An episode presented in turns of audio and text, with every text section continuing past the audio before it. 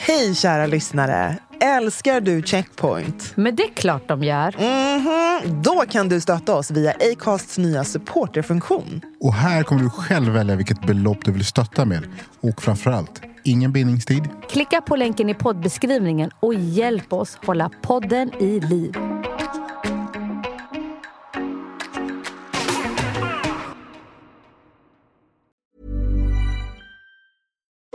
Since 2013, Bombas has donated over 100 million socks, underwear, and t shirts to those facing homelessness. If we counted those on air, this ad would last over 1,157 days. But if we counted the time it takes to make a donation possible, it would take just a few clicks. Because every time you make a purchase, Bombas donates an item to someone who needs it. Go to bombas.com slash ACAST and use code ACAST for 20% off your first purchase. That's bombas.com slash ACAST, code ACAST. Hiring for your small business? If you're not looking for professionals on LinkedIn, you're looking in the wrong place. That's like looking for your car keys in a fish tank. LinkedIn helps you hire professionals you can't find anywhere else, even those who aren't actively searching for a new job but might be open to the perfect role. In a given month, over 70% of LinkedIn users don't even visit other leading job sites. So start looking in the right place. With LinkedIn, you can hire professionals like a professional. Post your free job on linkedin.com slash people today. Så när man blir bemött med, men det var inte så vi såg på Ja, hur det. gör man då? då? Jag säger, vet du vad, jag är tolkningsföreträde.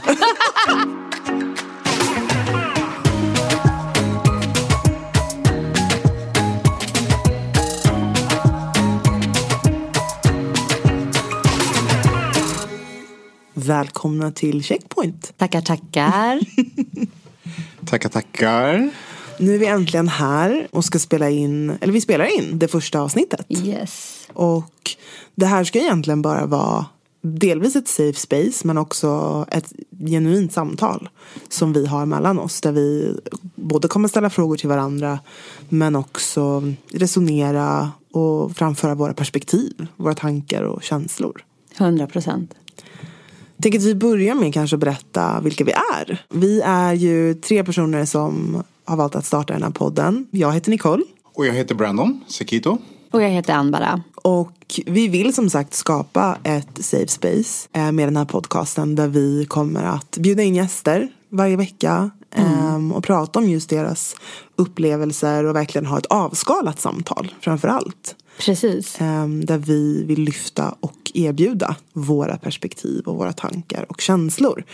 Men lite bakgrund är väl kanske att vi, vi du och jag Ambara tog ju initiativet till uppropet A Call for Change bland ja. annat. Ja, precis. Det är väl kanske lite roten till att vi ens sitter här och så har vi dragit med oss Brandon in i hela hela projektet. Um, men de här konversationerna eller samtalen har ju egentligen skett hela tiden. Bara att de sker i stängda rum. Eh, framförallt trygga rum. Och nu vill vi em, erbjuda att man får tjuvlyssna på det trygga rummet kanske. Precis. Man kan uttrycka sig. Och också få, få våra takes på Exakt. dialogen. Också vad vi tycker att man borde fokusera på. Eh, än att istället bara lägga ut till exempel svarta rutor på Ja. Instagram. Eh, och, Precis. Jag tror för de som inte vet så är eh, uppropet A Call for Change det är ju ett öppet brev som vi skrev från eh, afrosvenskar och svarta i Sveriges kreativa branscher. Där vi egentligen riktade oss till ledarna och till cheferna eh, och kom med förslag på åtgärder som vi skulle vilja se på förändring och förbättring. Visst var det så att ni också, alltså det, det A Call for Change är ju också någonting som jag har förstått också som eh, ni, det, det har skett på andra eh, kontinenter än bara här, alltså här i Sverige. Precis. Eh, Precis. så att ni, det är inget så initiativ som eh, Vi hittar på själva? Nej. Nej men alltså framförallt det att det, det, det, det, finns flera som tycker att dessa frågor är viktiga. Det Verkligen. finns flera som tycker att man måste, man måste ta fram konkreta saker att jobba mot för att förflytta branschen åt rätt håll. Det är väl det som jag tänker också att eh, man ska ta med. Att det här är en större kontext än bara lilla Sverige. Precis. Och um, uppropen som har skett liksom i andra länder det var ju ett bland annat från svarta i reklambranschen i USA. Och det var väl lite den vi tog rygg på i varför vi valde att göra ett upprop här i Sverige. Men jag tror att du verkligen sätter huvudet på spiken där Brandon. Att många kanske tror att ehm, Black Lives Matter-rörelsen är liksom en importerad rörelse. Ehm, men jag tror och jag hoppas verkligen att vi med de här samtalen kan ja, men liksom genomlysa att det inte är det. Och verkligen lyfta fram ehm, hur det på många sätt är att vara svart i Sverige. Och jobba med det vi gör. Ja, och eh, vi utgick ju även från eh, olika rapporter när vi skrev eh, det öppna brevet A Call for Change. Och eh, rapporten, just den rapporten som vi eh, pratar kring i vårt öppna brev är ju en rapport som inte många branschledare har uppmärksammat. Och Det är det, så himla konstigt. det är helt sinnessjukt. Jag Eh, förstår verkligen inte. Det är så många som bara, gud vilken bra rapport, wow. Man bara, men de har ju släppt den hur många år sedan? Och de föreläser, alltså så här, vidga normen. De föreläser, de har en handbok också om hur man ska förhålla sig Ja. på arbetsplatser. Eh, och minska strukturell eh, rasism och diskriminering. Ja. Och det är så här, hur har branschledare och arbetsgivare missat det här? Men det har ju, alltså tråkigt nog så har det ju inte varit en prioriterad fråga. Nej. Och framförallt för alla oss tre som ändå är verksamma just inom kommunikation så har ju det här alltid behövt vara en hjärtefråga som vi jobbar med men för att vi påverkas av den. Men det känns, alltså fortfarande idag känns det på många sätt som att det alltid måste vara en CSR-grej. Som att det är som att det är likadant som jobbar med hållbarhet och miljö. Så jobbar man med det här. Ja, men, och där, där är ju också just bristen på perspektiv och förståelsen för hur mycket det här påverkar människor eh, och deras liv. Ja men kom igen, löneskillnaden är ju enorm. Alltså om man kollar på den rapporten. Och också så här, det är svårt för svarta att göra karriär inom vissa Exakt. branscher. Och det tycker jag är så här, när, när ska man ta tag i det här? När ska vi också kunna göra karriär, få rimliga löner som alla andra? Ehm, Så jag tycker att många av de här punkterna som vi skriver i det öppna brevet är verkligen relevanta och som vi tycker att man behöver ta tag i det omgående och inte bara så här, vi tar tag i det lite senare. Alltså det är ju väldigt konkreta saker och det är ju inte så konstigt att liksom vilja ha lika lön för lika arbete. Kan jag känna i 2020 att det inte är en så himla konstig grej. Det är väldigt många företag eh, just nu som pratar inkludering och representation. Eh, mycket då kopplat till kommunikation. Ut till eh, konsumenter. Fast de har inte inkludering och representation i själva företaget. Vad tänker ni kring det? Jag kan nog, och det här brukar jag ta upp mycket när eh, jag föreläser och sådär, men vi, jo- vi, har ju liksom, vi jobbar i en bransch som är stöpt ur Mad Men. Alltså grunden till varför den här branschen ens finns är ju att det var ett gäng vita män som bestämde sig för att börja sälja produkter åt varumärken, alltså lite så. Och att man back in the day trodde att man kunde, eller man kunde ju nästan det, man kunde ju skapa eh, ett demand innan det fanns. Innan liksom Coca-Cola fanns, man var ju tvungen att skapa ett demand för det. Och det är där de här första knepen i marknadsföring och PR Liksom, det är där de stöptes.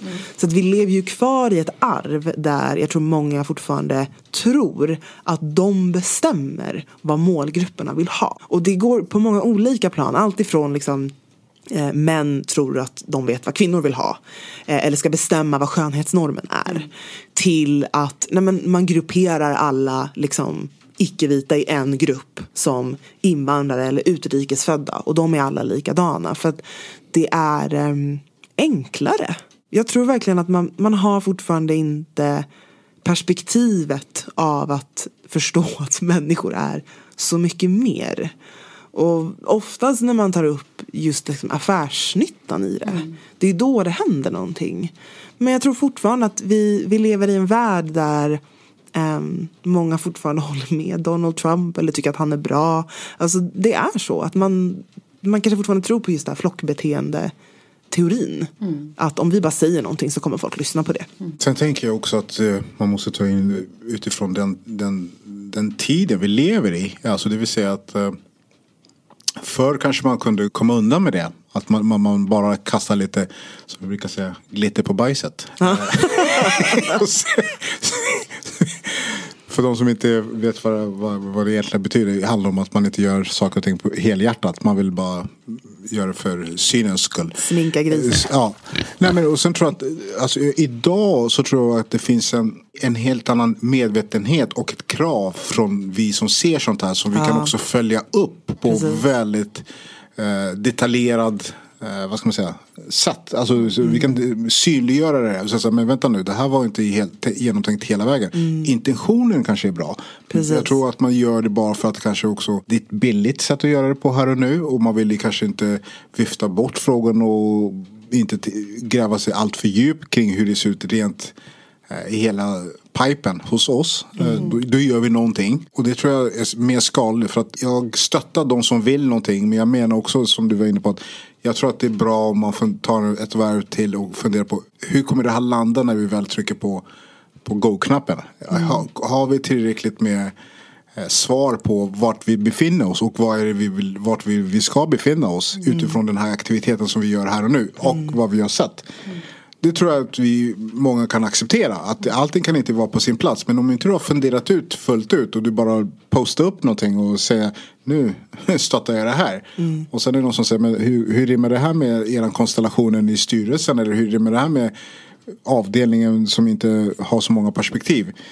Har du inte svar på det, ja, men då ska du inte göra det. Tänker jag. Verkligen. Och jag tror att det, det är väldigt intressant med alla de här trenderna som händer här och nu. Och vi, jag var med och skrev en, en debattartikel om just efter Blackout Tuesday. När väldigt många företag och varumärken eh, postade just en svart ruta. För att då visa att de eh, stöttar Black Lives Matter-rörelsen.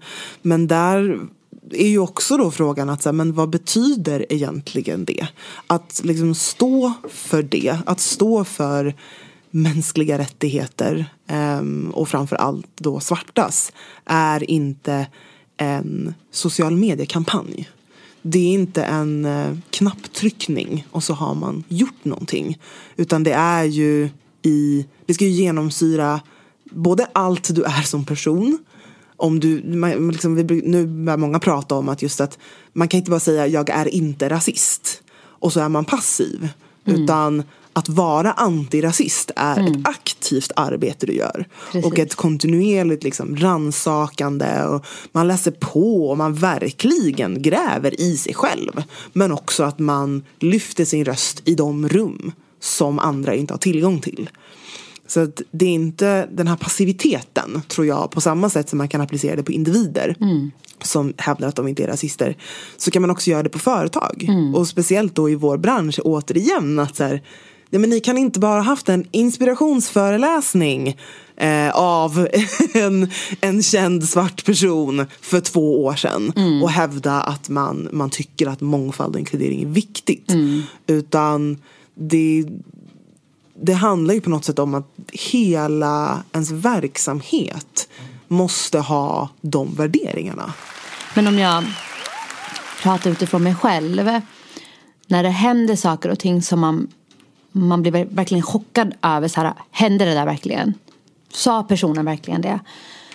Och inte ha någon att prata med eh, på arbetsplatsen. För att ingen förstår vart man kommer ifrån. Och vart man talar ifrån. Så har jag ju självklart så vänner och familj man kan vända sig till. Men inte personer som är aktiva i kommunikationsbranschen. Nej, precis. Och då blir det så svårt. Man kan, alltså jag, har- jag har haft vänner som sagt så här, men se upp dig. Eller byt bransch. Men det är svårt. Ja, om man sen älskar ska det man gör. in- Delvis, så måste, delvis känner man ju så här, aha, så det är jag som blir förloraren. Så jag ska bara ge upp nu. Och delvis är det ju så här, ja men hur ska man få jobb sen då? Alltså, då, då ignorerar man ju de andra strukturella problemen som finns. Exakt, exakt. Eller typ så här, och så har jag fått så här jättebra råd självklart så här, men ta tag i frågan, ställ frågan. Mm. Men det är så svårt när man redan känner att man är alltså ett Ja, steg lägre. gud, ja. Och att man är the underdog. Och sen ska man börja prata om Jag upplevde det här, jag kände det här. Jag vet inte. Jag, på sistone har jag blivit mer stärkt i att bara så här, jag upplevde det på det här sättet, det här var så jag kände. Och så när man blir bemött med, men det var inte så vi såg på det. Ja, hur gör man då? då? Jag säger Alltså, bara, vet du vad, jag har tolkningsföreträde. alltså jag orkar, nej jag pallar, jag är bara såhär, jag har, jag har tolkningsföreträde, det är så det var i min värld, vad kommer ni liksom göra för att ändra? Alltså, För att jag känner att nu är vi liksom past att ens diskutera om det här har hänt eller inte. Eller om det verkligen hände på det sättet Eller om du har missförstått, ja. Precis. Eller, men de menade ju inte. För att allt det här, det är precis det vi förespråkar. Vi förespråkar att kommunikation handlar om the customer is always right. Och det är precis samma sak med det här. Men varför kan inte vår bransch göra det med sina medarbetare? Ah, vi kan ju prata hur länge som helst om hur vi har liksom haft innan. Men det är också lite intressant, det vi har pratat mycket om i, i våra rum är ju också vad som händer nu. Alltså i och med att Black Lives Matter verkligen har amplifierats över hela världen. Eh, vi tre är väldigt liksom, drivande i de här frågorna eh, oavsett. Men det känns ju ändå som att det har blivit en förändring i och med att det pratas om det här. Men vad känner ni kanske har förändrats mest? Eller var det någonting som liksom hände um, i ert professionella liv som inte har hänt innan? Jo, men det, jag, jag märker ju att det, vissa samtal tar, ett, tar en viss vändning på något sätt, om jag säger så.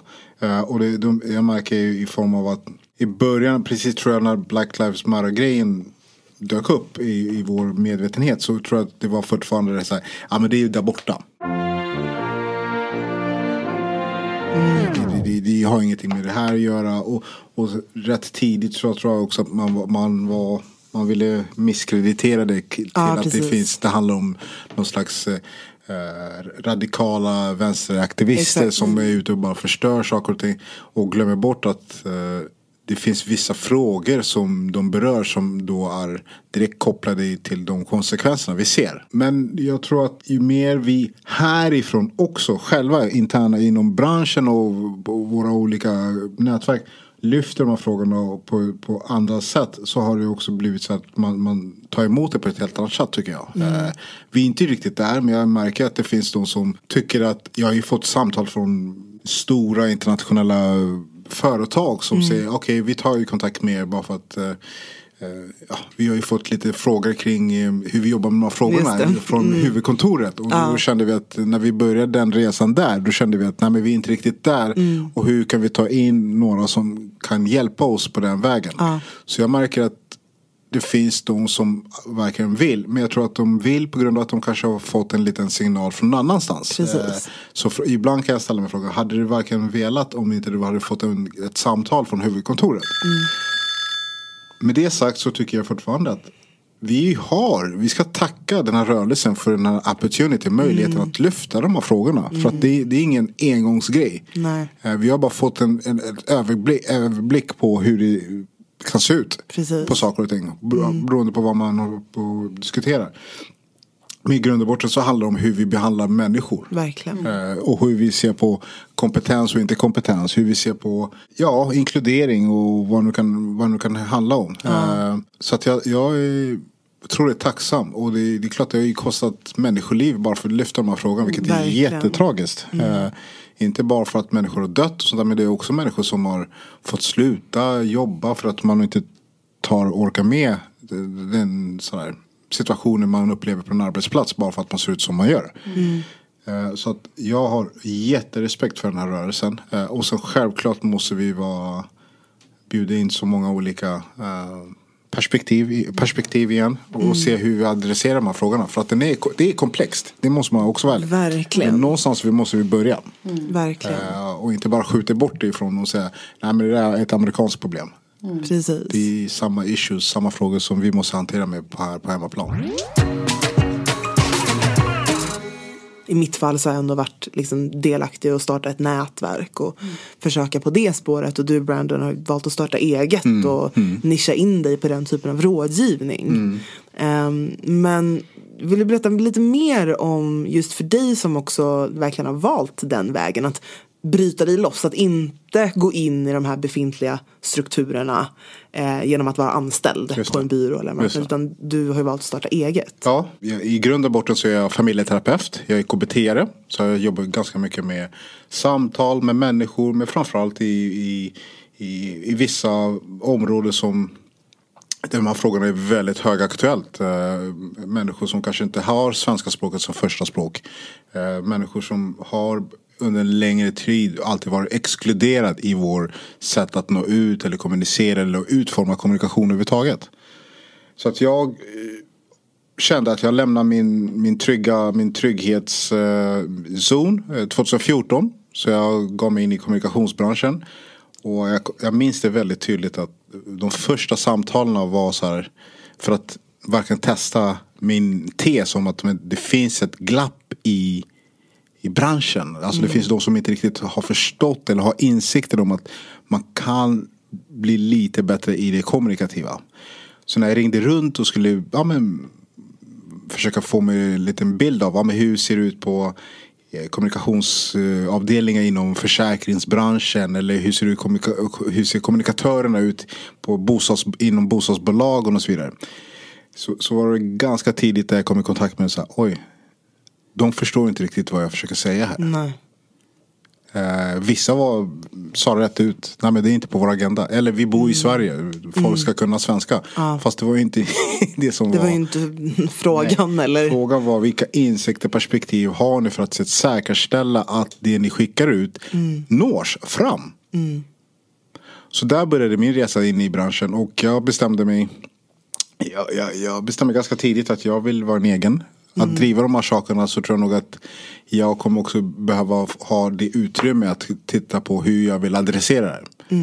Eh, Så så det var ganska självklart för mig att vara egen. Men sen har ju det också eh, varit en utmaning. Eh, Jag kommer inte från branschen. Jag har inga kompisar i branschen. Precis. Jag lyfter frågorna som branschen kanske inte tycker att det är så viktigt.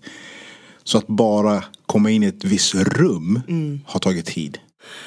Um, när jag minns första gången vi träffades så var ju det en av dina frågor till mig. Eller inte för att jag upplevde att du är en väldigt liksom, glad och positiv person. Men jag reflekterade ändå över den liksom, frustrationen. Där du ja, men så här, frågade mig ganska tydligt. att Varför har du valt att försöka göra en karriär i deras värld?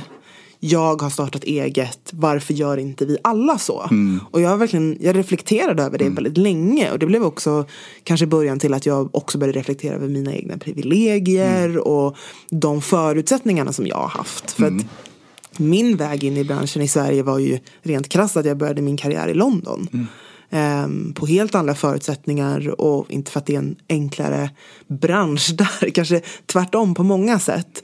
Men när det gäller ehm, perspektiv så tror jag att de har en helt annan det är en helt annan öppning för det ämnet. Och också för att det är många som brukar fråga mig vad är de största skillnaderna mellan London och här.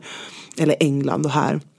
Och då är nog, alltså mitt svar är oftast att de, vare sig de vill det eller inte, så vet de att de här andra subkulturerna är köpstarka. Det handlar om så mycket pengar som de går miste om om de inte riktar sig till dem på deras villkor. Så att där är business caset, det är så mycket starkare där. Medans så att liksom, det, var- ja, det var bara en helt annan grej. Så att jag gled väl in lite med det kvittot av att jag hade jobbat på två jättestora byråer i London. Och fick jobb direkt på en av Sveriges största reklambyråer. Ehm, så att jag har väl inte upplevt, faktiskt fram tills nyligen, att jag har blivit ifrågasatt. Jag har nog ändå upplevt att jag kanske har ja, men haft samma problem som kvinnor kan relatera till. Att man blir åsidosatt eller förminskad eller osynliggjord för att man är kvinna. Ehm, inte av andra anledningar. Men det är väl på sistone som jag verkligen har börjat reflektera över ehm, min intersektionalitet. Och att när jag lyfter de här frågorna på ett personligt plan och inte på ett teoretiskt plan. Utan att när jag genuint säger att jag, det här påverkar mig som svart kvinna. Så får jag inte gehör. Och det är faktiskt första gången som det på riktigt har gjort ont. Att jag måste osynliggöra svartheten i mig för att bli respekterad.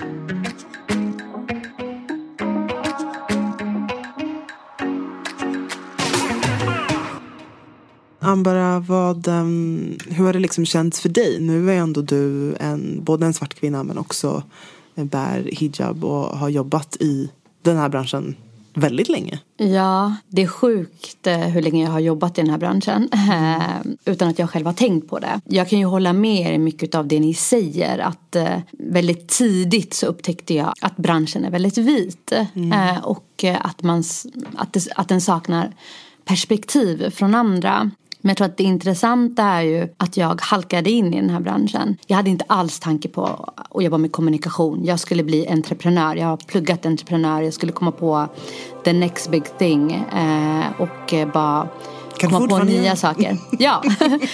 Men du vet så här, var innovativ. Och eh, efter plugget sökte jag jobb här i Sverige. Hittade typ inga jobb alls inom då det jag har pluggat. Mm. Du pluggade utomlands du också va? Jag pluggade ner här i Sverige. Ah, okay. eh, och eh, kände så här, eh, nej men fan, oj. jag tycker vi får svära i podden. Det är ju vår podd. det är så här jag pratar. Men ja, och sen, så, och sen så drog jag till London. Mm. Apropå din resa. Och var där ett år. Fick jobb. Mm. Eh, hade det gött. Och också att man såg personer, alltså så personer olika etniciteter Precis. ha ledande positioner, sitta på maktpositioner mm. på olika företag. Och det var inte alls konstigt. Det var så här, okej okay, men här är det inte så svårt att komma in och bli sedd för den man är. Och att ens kunskaper och erfarenheter tas på allvar.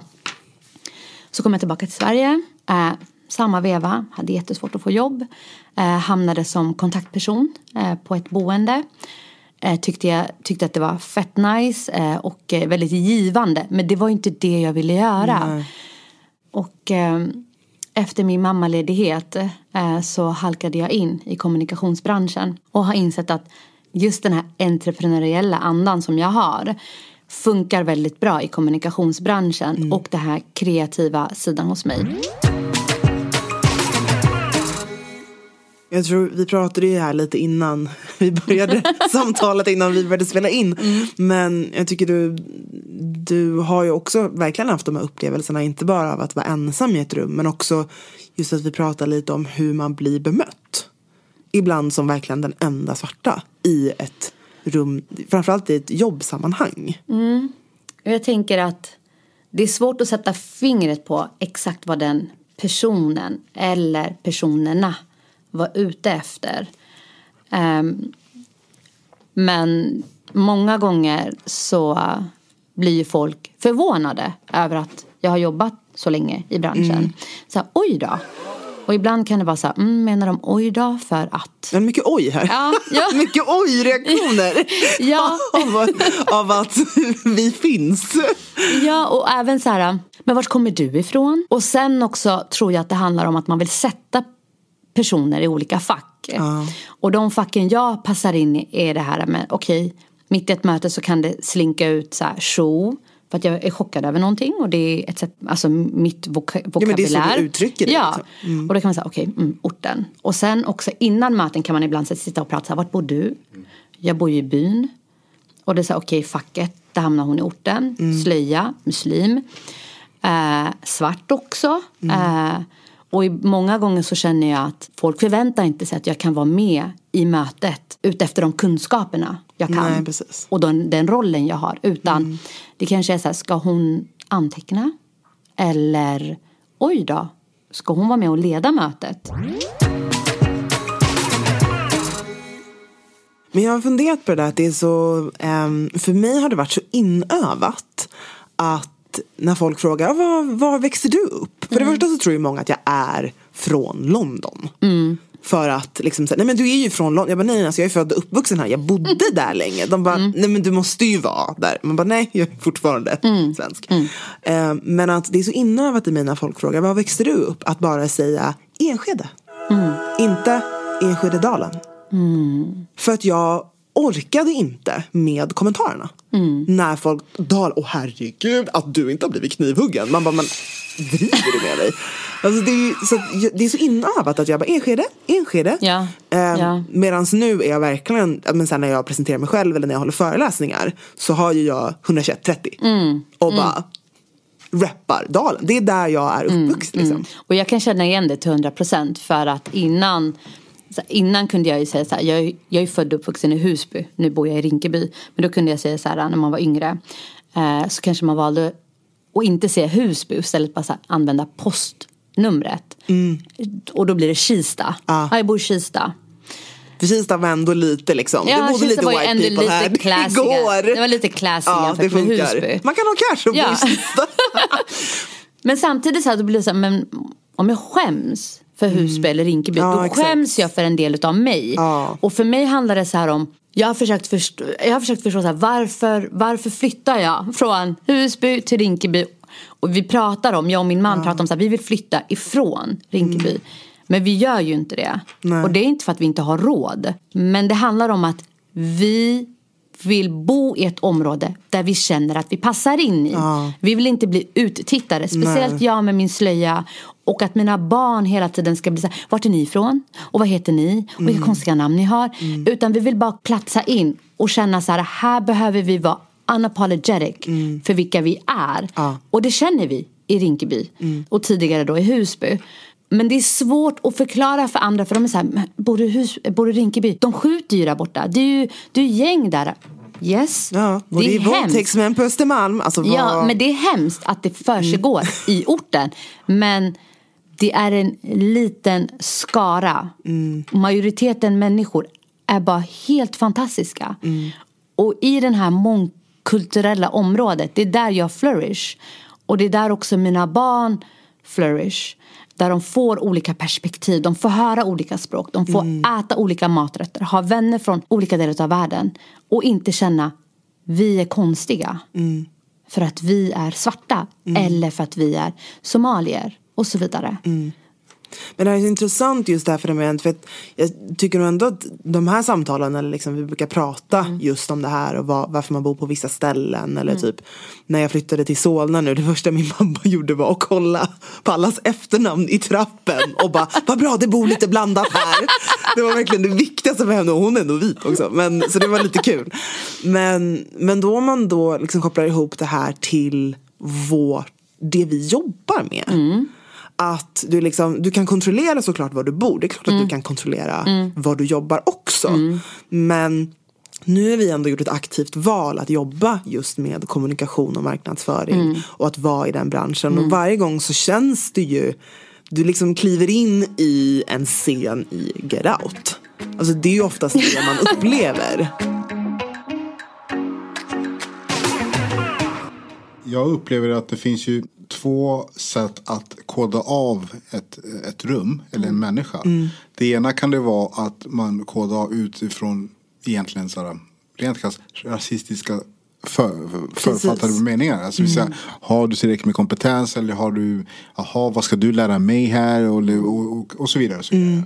Sen finns det då vi som måste koda av bara för att passa in i det rummet. Eh, Och det betyder att jag måste hela tiden, när de andra kan bara, bara få vara.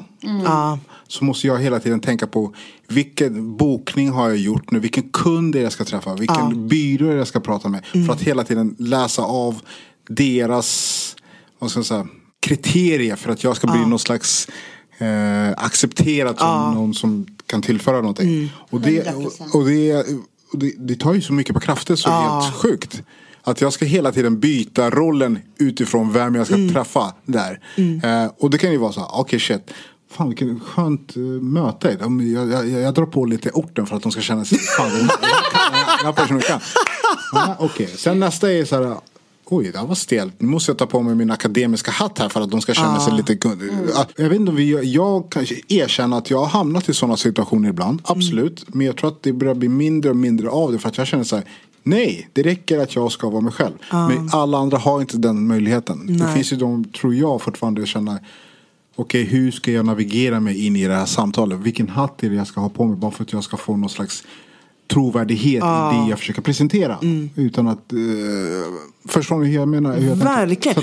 Det vi säljer är ju också, alltså vi pratar ju affärsstrategier, Mm. rådgivning. Alltså det är det, det vi jobbar med. Mm. Det är inte som att vi säljer mobiltelefoner och man kan vara lite happy clappy och liksom få Mm. igenom det. Utan för de kanske som ja, men, inte har en inblick i hur det Mm. är att jobba med kommunikation så är det ju väldigt det är väldigt personbaserat. Det är väldigt mycket nätverk, det är mycket luncher och det är AVs och det är verkligen den kulturen. Och när man då lägger på det här med att man redan måste tänka på hur du ens beter dig och är när du kliver in i rummet. Alltså den startsträckan är så mycket längre för oss. Där vi liksom, både som kvinna har jag, sen jag var, jag vet inte, 18-19 år gammal, när jag första gången fick tillsägelsen att du kan inte ha sådär urringat på dig för att du distraherar männen. Det fick jag lära mig väldigt tidigt i min karriär. På samma sätt som jag liksom har avsexualiserat kanske låter dramatiskt, men lite så. Alltså gjort mig mindre attraktiv för att bli tagen på allvar. På samma sätt måste vi göra oss mindre svarta för att bli tagna på allvar eller accepterade. Och det kan jag till 100% hålla med om. Jag kan till exempel ta mig som exempel. Jag stänger slöjan lite hur jag vill beroende på eh, mitt mod. Eh, och eh, jag kan ibland ha den som turban, ibland kan jag bara stänga den lite enkelt bakåt. Och jag har märkt att ska jag gå på vissa tillställningar där jag vet att majoriteten kommer vara vita, då väljer jag att stänga den på ett sånt sätt så att, man inte, så att jag inte får för mycket uppmärksamhet på mig. För att jag vill inte verka too African, för muslim. Eh, eller för allting egentligen. För jag vill kunna blend in, även fast det ibland är omöjligt. Men om jag bländar in på ett okej sätt, då kanske inte folk blir så här, men vad gör hon här? Eller, oj då, hon är ny här. För att man märker mig. Eller är du the entertainment? Man bara Ja, men, nej, men, men, inte men jag var på nu. en tillställning, jag måste bara berätta, jag var på en tillställning. Det var på Handelskammaren. Eh, och eh, det var väldigt, själva eventet var väldigt nice, majoriteten var vita. Och då står jag där eh, och lyssnar på de olika talarna.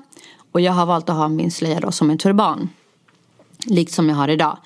Ni som lyssnar kan inte se, men väldigt snyggt. väldigt snyggt, jag håller med. Och eh, så kommer en kvinna fram till mig eh, och jag tänker så här, eh, känner jag igen henne? Jag försöker snabbt så här, oh, har jag träffat henne tidigare? Så att jag vet. Ja men precis. Ja, och, eh, och då pratar hon engelska och bara, are you the influencer for tonight? Åh herregud. Och jag bara, "Mm, ursäkta, nej, jag är ingen influencer. Och hon bara, ja men gud, du liknar faktiskt en influencer från Finland, tror jag det var att hon sa. Och jag var så här, nej, jag är ingen influencer och jag är inte från Finland. Och hon bara, ah, nej, okej, men vart är du ifrån då? Och då, tyck, då ville hon veta så här, vem är jag? I och med att hon tänkte att jag var influencern. Ja. Nu behöver hon ju veta vem jag är egentligen. Ja, för vad, vad gör jag där? Och då så börjar vi prata och jag förklarar så här, varför jag är där. Och, och då säger hon så här till mig, aha okej, är du intresserad utav expatsmötena? Bara för att jag är den enda svarta med slöja som Mm. turban så ställer hon frågan om jag är intresserad av ett expatsmöte. Jag tycker den där, för vi, kan, vi kan absolut djupdyka i just begreppet expat. Tycker jag är så otroligt intressant. Därför att om du är vit och flyttar utomlands, då är man en expat. Alla andra är ju invandrare. Det det egentligen är, är ju, det är invandring. Alltså det är ju det det är. Men jag tycker det är så intressant hur man också särskiljer på eh, statusen hos individerna. Eh, genom att särskilja de begreppen. Jättekonstigt. Det här är vår podcast, Checkpoint. Yes. Och där vi varje vecka kommer att ha de här avskalade samtalen och framför allt bjuda in andra röster för att fortsätta prata om det. Och vi vill verkligen skapa eh, ett safe space där både vi, känner jag delvis idag, där vi alla tre verkligen har delat med oss av liksom intima och jobbiga saker.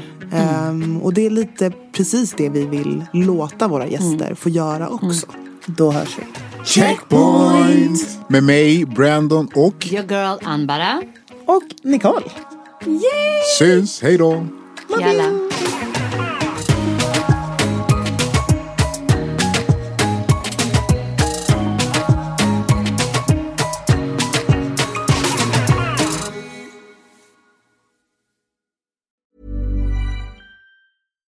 When you make decisions for your company, you look for the no brainers. And if you have a lot of mailing to do, stamps.com is the ultimate no brainer. It streamlines your processes to make your business more efficient, which makes you less busy.